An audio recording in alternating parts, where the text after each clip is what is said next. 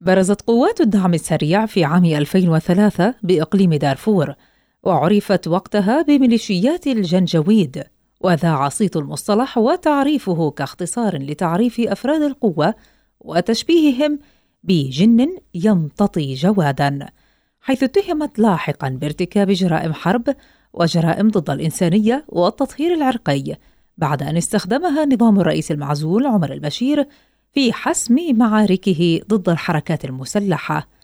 ولمنحها صفة قانونية بعد أن شكلت قوة ضاربة جرى ضم قوات الدعم السريع في بادئ الأمر لوحدة استخبارات حرس الحدود بالقوات المسلحة. لكن في عام 2013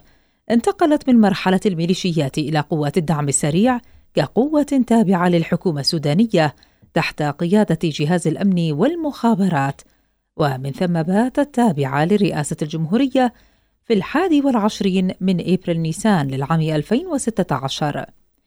وواصلت الدعم السريع مهامها في محاربة التمرد بدارفور إلى أن أجاز البرلمان في العام 2017 قانون الخاص بالدعم السريع لتكون تحت قيادة رئيس الجمهورية مباشرة برغم تبعيتها في الوقت ذاته إلى القوات المسلحة. وفي موازاة تمددها العسكري الكبير عملت قيادة الدعم السريع في بناء إمبراطورية اقتصادية مستقلة حيث استفادت من السيطرة على مواقع تنقيب الذهب بجبل عامر في دارفور قبل أن تتخلى عنه لاحقا لوزارة المالية السودانية. كما أسست القوات شركات استثمارية ضخمة داخل السودان وبخارجه. وبعد حسم المعارك والتمرد في دارفور والمنطقتين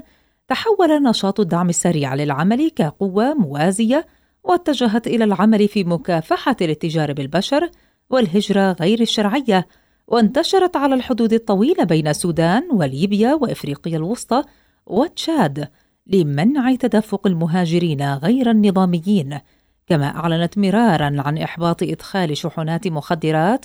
وتوقيف عصابات تجار بالبشر وتحرير الرهائن وعندما ضاق الخناق على نظام الرئيس عمر البشير بتزايد الاحتجاجات الشعبية الرافضة لاستمراره في الحكم حاول البشير الاستعانة بحليفه محمد حمدان دقلو وقوات الدعم السريع لحسم الاحتجاجات لكنه تفاجأ برفض حمديتي المشاركة في قمع المظاهرات وانحيازه لاحقا لقادة الجيش المقربين من البشير وإعلانهم عزل البشير من سدة الحكم. نجاح مسلم لشبكة أجيال.